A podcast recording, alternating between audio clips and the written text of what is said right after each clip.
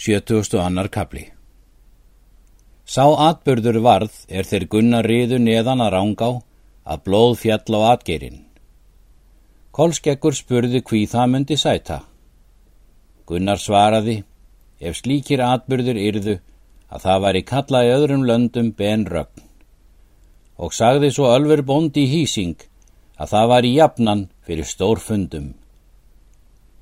Síðan riðu þeir til þess er þeir sáu mennina við ána, sjá að þeir sitja en hafa bundið hestana.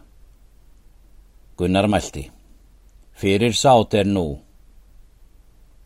Lengi hafa þeir ótrúlegir verið, segir Kolskeggur, eða hvað skal nú til ráða taka? Hleypa skulum við upp hjá þeim, segir Gunnar, til vaðsins og búast þar við, Hinnir sjá það og snúa þegar að þeim. Gunnar bendur upp bógan og tekur örvarnar og steipir niður fyrir sig og skýtur þegar er þeir koma í skotfæri. Særði Gunnar við það mjög marga menn en drap suma. Þá mælti Þorgir Ótkelsson. Þetta dýr ás ekki. Göngum að sem harðast. Þeir gerðu svo. Fyrstur gekk önundur hinn fagri, frændi Þorgirs. Gunnar skaut atgeirinum til hans og kom á skjöldin og klopnaði hann í tvo hluti en atgeirin hljópi gegnum önund. Augmundur flóki hljópað baki Gunnari. Kolskekkur sá það og hjó undan augmundi báðafætur og hratt honum út á rángá og druknaði hann þegar. Gerðist nú bardagi mikill og harður og hjó Gunnar annari hendi en lagði annari. Kolskeggur vó og drjúan menn en særði marga. Þorgeir Starkarsson mælti til nafna síns. Allítt sér það á að þú eigir föður þíns að hefna á Gunnari. Þorgeir Ótkelsson svarar.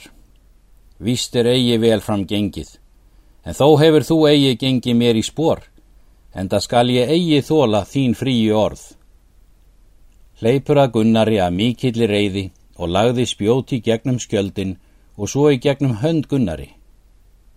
Gunnar snaraði svo hart skjöldin að spjótið brotnaði í falnum. Gunnar sér annan mann komin í höggfæri við sig og höggur þann bana höggi. Eftir það þrýfur hann atgerinn tveim höndum. Þá var Þorgir Ótkelsson komin nær honum með bröðnu sverði og reytti hart. Gunnar snýst að honum skjóta mikillir reyði og rekur í gegnum hann atgerinn og bregður honum á loft og keirir hann út á rángá og rekur hann ofan á vaðið og festi þar á steini einum og heitir þar síðan Þorgeir svað. Þorgeir Snarkaðarsson mælti Flýjum við nú, ekki mun og sigurs verða auðið að svobúnu. Snýru þeir þá allir frá. Sækjum við nú eftir þeim, segir Kolskekkur, og tak þú bógan og örvarnar og mynd þú komast í skotfæri við Þorgir Starkarsson. Gunnar svaraði, Eiðast munu fjesjóðarnir, um það er þessir eru bættir, er hér liggja nú döðir. Ekki mun þér fjefátt verða, sagði Kolskikkur, en Þorgir mun eigi fyrr af láta, en hann ræðu þér bana. Standa munu nokkur er hans makar á götu minni, áður en ég hræðist þá, segir Gunnar.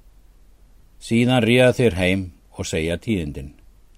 Hallgerður fagnaði þessum tíðindum og lofaði mjög verkið. Rannveig mælti. Vera má að gott sé verkið, en verra verður mér við, en ég ætli að gott muni af leiða.